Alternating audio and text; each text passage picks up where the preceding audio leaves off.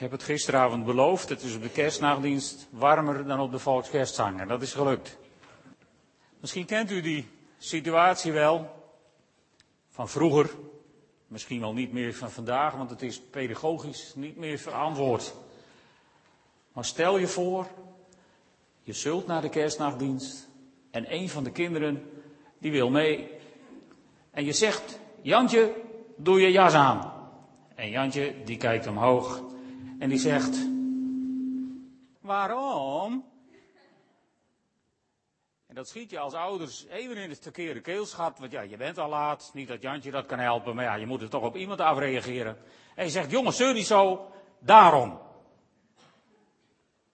Dat is altijd het verkeerde antwoord, hebben ze mij verteld. Maar het thema vandaag is waarom, daarom. Ik wil met jullie lezen uit Matthäus 1, vers 18 tot 25. Matthäus 1. De komst van Jezus Christus was als volgt. Toen zijn moeder Maria al was uitgehuwelijkt aan Jozef, maar nog niet bij hem woonde, bleek ze zwanger te zijn door de Heilige Geest. Haar man Jozef, die een rechtschapen mens was, wilde haar niet in opspraak brengen en dacht erover haar in het geheim te verstoten. Toen hij dit overwoog, verscheen hem in een droom een engel van de Heer. De engel zei, Jozef, zoon van David, wees niet bang je vrouw Maria bij je te nemen, want het kind dat ze draagt is verwekt door de Heilige Geest. Ze zal een zoon baren, geef hem de naam Jezus, want hij zal zijn volk bevrijden van hun zonden.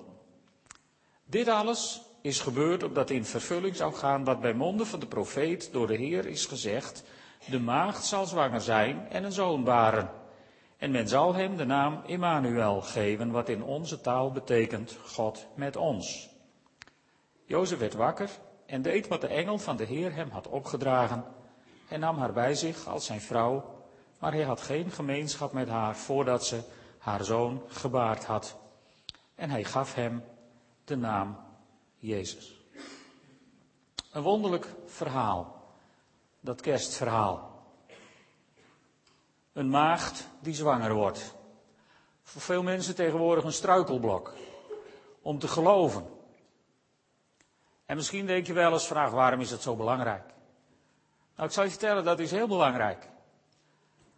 Want als ze van Jozef zwanger was geworden en niet maagd was geweest toen ze zwanger werd, was Jezus geen God geweest. Dus onze hele verlossing staat en valt ermee. Eventjes. Het is gewoon heel belangrijk. En, en als je dat verhaal leest, dan denk je wat een vrouw heeft God uitgezocht om de moeder te worden van zijn zoon. Een meisje, verloofd, dromend over haar huwelijksdag, uitziend naar dat moment met haar man. En dan komt daar ineens een engel en die komt allemaal roet in het eten gooien en die komt een moeilijk verhaal houden over zwanger worden, maar dat was helemaal de bedoeling nog niet, want ze, ach, ach, dan past de jurk niet meer en, en, en weet ik wat allemaal en, en, en, en wat zouden de mensen er wel niet van zeggen en bovendien als Jozef zou zeggen, ja het is niet van mij, dan werd ze gestenigd, ik wil, het, was levensbedreigend, wat die engel haar daar even, even voor kwam schotelen. En, en het meest logische zou zijn geweest dat ze had gezegd, nou heer, u ziet een aantal problemen over het hoofd, nee dank u. En deze heldin, Maria, die kijkt die engel aan en die zegt, nou mij geschieden naar uw woord. Je moet het lef maar hebben. Je moet het maar durven. Wat een vrouw had God op het oog om de moeder te worden van zijn zoon. En een beetje in de schaduw van die vrouw is daar ook die man. Wat een kerel had God op het oog om de vader te worden van zijn zoon.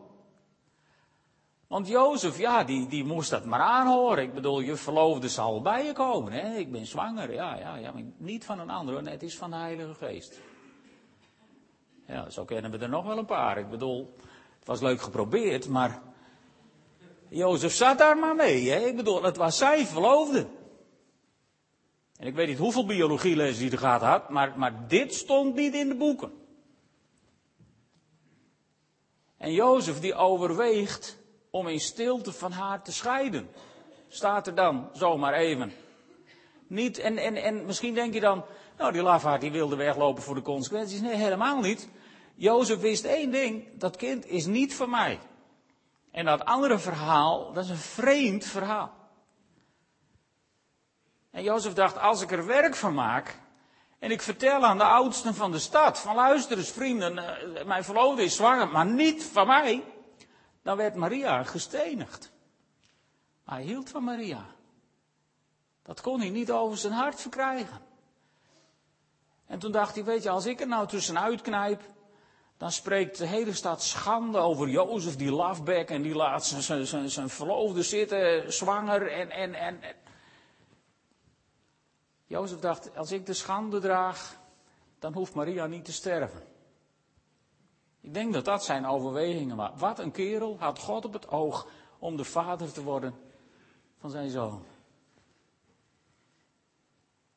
En wat maar zelden gebeurt, Jozef kreeg antwoord op zijn vraag. Want ik denk, ik stel me zo voor dat Jozef s'avonds zich in slaap geschreid heeft op bed hij had het zich zo anders voorgesteld. En nu was alles kapot. De hele droom over trouwen met Maria en huisje, boompje, beestje. En dat is ineens was het allemaal voorbij. Ik denk dat hij zich vele nachten in slaap heeft gehuild. En misschien wel met zijn vuisten gebald het uit heeft geschreeuwd naar God. Waarom? En ik zeg heel vaak, het is de verkeerde vraag. Waarom? Want je krijgt bijna nooit kennelijk antwoord. Alleen Jozef in dit geval krijgt antwoord. Want God stuurt hem een engel en die overtuigt hem. En zo krijgt Jozef op zijn vraag waarom, krijgt hij antwoord daarom. Hierom gaat het gebeuren. In het Oude Testament vinden we een naamgenoot van deze man. Ook een Jozef. Ook een Jozef, die had ook zijn dromen.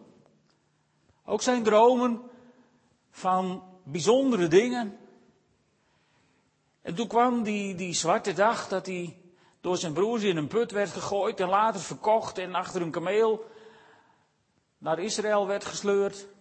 Of naar Egypte werd gesleurd en daar werd hij verkocht.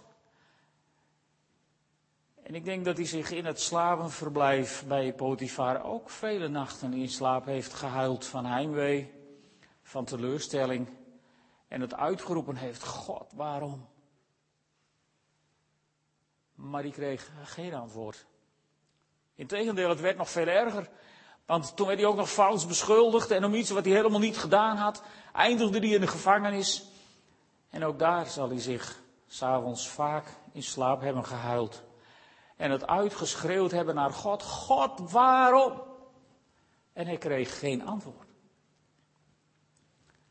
En toen, een tijdje later, overigens merkwaardig dat deze Jozef zijn bediening begint, zijn, zijn ambt begint op zijn dertigste verjaardag, net als de Heer Jezus later op zijn dertigste verjaardag zijn politieke of zijn, zijn publieke optreden ging houden.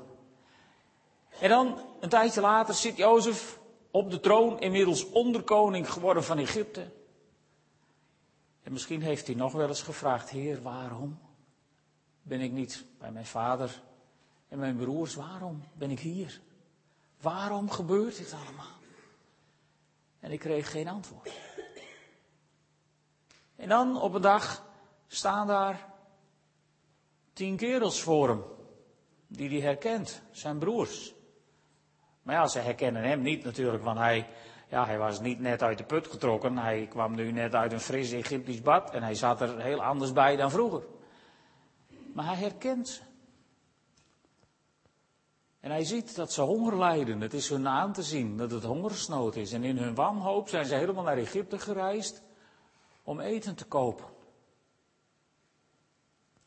Nou, u kent misschien de geschiedenis wel. Zijn broers komen nog een keer en dan maakt Jozef zich aan hen bekend. En dan is het natuurlijk schrik alom, want iedereen denkt van, oh boy, oh boy, nou is hij onderkoning van Egypte geworden. Helemaal in de positie om goed af te rekenen, nu zal er wel wraak genomen worden. Nee, er wordt geen wraak genomen. Want deze Jozef die zich zo vaak zal hebben afgevraagd, waarom, oh God, die krijgt ineens krijgt die antwoord van God. Dat staat in Genesis 45, vers 7. Als ze met elkaar in gesprek zijn en zijn broers die, die helemaal vertwijfeld zijn van oh, hoe redden we ons hieruit, wat gaat er nu met ons gebeuren? En dan zegt Jozef, nee, er gaat niks met jullie gebeuren, want luister vrienden, God heeft mij voor jullie uitgestuurd om jullie voortbestaan op aarde veilig te stellen. Zo wilde hij veel levens redden. Waarom? Daarom. Hij had zijn antwoord gevonden. En zo krijgt Jozef en Maria krijgen een zoon. Jozef weet inmiddels ook daarom. Ze krijgen een zoon en hij geeft hem de naam Yeshua. Of op zijn Grieks Jezus. Jezus. En Jezus betekent God redt. Alle namen in het Oude Testament die met je beginnen, Jesaja, Jeremia, Jeheskia, zoals hij officieel heet. En zo zijn er nog wel een hele serie. Dat je is allemaal het eerste stukje van Yahweh, van God.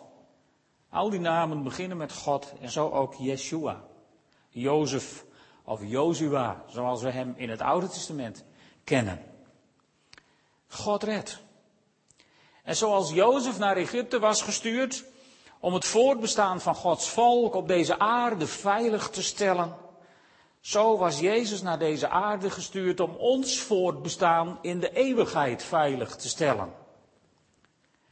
En net zoals Jozef vele mensen zou redden door het eten wat hij had opgespaard, zo kwam Yeshua, God redt, naar deze wereld om veel mensen te redden. Zoveel mensen als maar enigszins mogelijk is. Ook dat van u, ook dat van jou. En prijs de Heer, ook dat van mij. Daarom kwam hij naar deze wereld. En net zoals zijn naamgenoot, die we kennen als Jozua, zou hij de mensen van God een beloofd land binnenleiden. Niet een aardsland, maar een hemels land. En hij is naar de hemel gegaan om daar plaats voor ons te bereiden. Straks zal hij ons inleiden in dat land. En dat koninkrijk van God, dat ligt nu al voor ons open. Nu al kun je leven als een koninkrijksbewoner. Ik weet niet of u dat doet, of dat je gewoonte al is, of je dat al, al begrepen hebt. Maar het kan. Jezus is naar deze wereld gekomen om dat mogelijk te maken. Leven als een koningskind. Met alle voorrechten van dien. En wij mogen daar zomaar binnen gaan. In dat koninkrijk. En in dat koninkrijk, daar is Immanuel, daar is God met ons. God met ons. Weet je, God met ons, zonder het reinigende werk van het bloed van het lam, is een dodelijke combinatie. Je kunt niet in, in, in de aanwezigheid van de heilige God zijn als je niet gered bent, gereinigd bent door het bloed van Jezus Christus. Dat is een gevaarlijke plek en omdat God gewoon niet wil dat je wat overkomt, trekt hij zich dan vaak terug in zulke situaties. De priester vroeger in de tabernakel of in de tempel, die moest het niet wagen. Om zomaar het heilige der heiligen binnen te dartelen en te denken, nou, ik ga eens even thee drinken bij God. Dat was niet handig, het was ook verboden. En wij kunnen zomaar binnenwandelen. Dankzij het kruis, wat onomkeerbaar zou volgen op de stal, is God met ons een bron van leven geworden. Een bron van leven. Van koningsleven. Maar er moest een hoge prijs voor betaald worden. Want ook Yeshua, God met ons, vroeg zich op een gegeven moment af: waarom? Toen hij aan het kruis hing en het donker werd en God hem echt in de steek liet. Toen schreeuwde hij het uit, mijn God, mijn God, waarom hebt u mij verlaten? Alleen het wonderlijke van deze waarom-vraag is dat hij het antwoord al wist. Van voor de grondlegging der wereld kende hij het antwoord. En dat noemt hij in het Evangelie van Johannes. In Johannes 12, vers 27, daar zegt Jezus tegen zijn discipelen: Nu ben ik doodsbang. Dat is de avond voordat hij gekruisigd zal worden. Nu ben ik doodsbang. Maar wat moet ik zeggen? Vader, laat dit ogenblik aan mij voorbij gaan. Maar hiervoor ben ik juist gekomen. Daarom. Hij wist waarvoor hij naar deze wereld kwam. En als wij vanavond op deze kerstavond stilstaan bij de geboorte van Jezus en, en overmorgen als we het samen vieren hier in de kerk, dan vieren we de geboorte van het kindje. Maar één ding weten we, dat kindje is al lang dat kindje niet meer. Dat kindje is volwassen geworden en heeft voor ons geleden, is voor ons gestorven en is voor ons weer opgestaan en is opgevaren naar de hemel. En daar zit hij aan de rechterhand van God, van waar hij komen zal, om te oordelen de levenden en de doden. Hij kwam om iets te doen. God had een geweldig idee om ons te redden. En het bijzondere van Gods idee is dat hij het niet liet bij een idee, maar dat hij het hoogstpersoonlijk kwam uitvoeren. Hoogstpersoonlijk kwam hij naar deze wereld in een geleende kribbe. Zelfs die was niet van hem. En dat hoefde ook niet, want hij was hier maar even. Maar hij kwam om jou en mij te redden. En hij zegt, daarom ben ik juist gekomen. God heeft mij voor jullie uitgestuurd om jullie voortbestaan, zou je kunnen zeggen, voor eeuwig veilig te stellen. Of zoals hij het tegen Nicodemus zei in Johannes 3, vers 16. Want zo lief heeft God de wereld gehad, dat hij zijn enige geboren zoon gegeven heeft, opdat ieder die in hem gelooft niet verloren gaat, maar het eeuwige leven heeft. Want God heeft zijn zoon niet in de wereld gezonden, opdat hij de wereld zou veroordelen, maar opdat de wereld door hem behouden zou worden. Dat is het geheim van kerstavond. Waarom? Daarom. Amen. Doe samen bidden. Vader in de hemel, het blijft onbegrijpelijk dat u er zoveel voor over had om de relatie met ons mensen te herstellen. Heer, u betaalde er een prijs voor die ieder menselijk voorstellingsvermogen ver te boven gaat. Zo ver, Heer, dat zelfs veel mensen er moeite mee hebben om het te geloven. En ik wil u op deze kerstavond bidden, Heer, voor alle mensen die, die misschien alleen maar uit traditie naar een kerk gaan of worstelen met hun twijfels. Heer, wilt u zichzelf openbaren? Wilt u zichzelf bekendmaken aan harten die u zoeken op deze kerstavond hier of in andere kerken? Heer, want daarom kwam u naar deze wereld, om zielen te redden. Heer, ik dank u daarvoor. En ik prijs u daarvoor dat u onze zielen hebt gered. En dat we daardoor kinderen van u mogen zijn. En onder uw zegen ook onze weg weer mogen gaan. Beste mensen, de Heer zegent u. En hij behoedt u. De Heer verheft zijn aangezicht over u en hij is u genadig.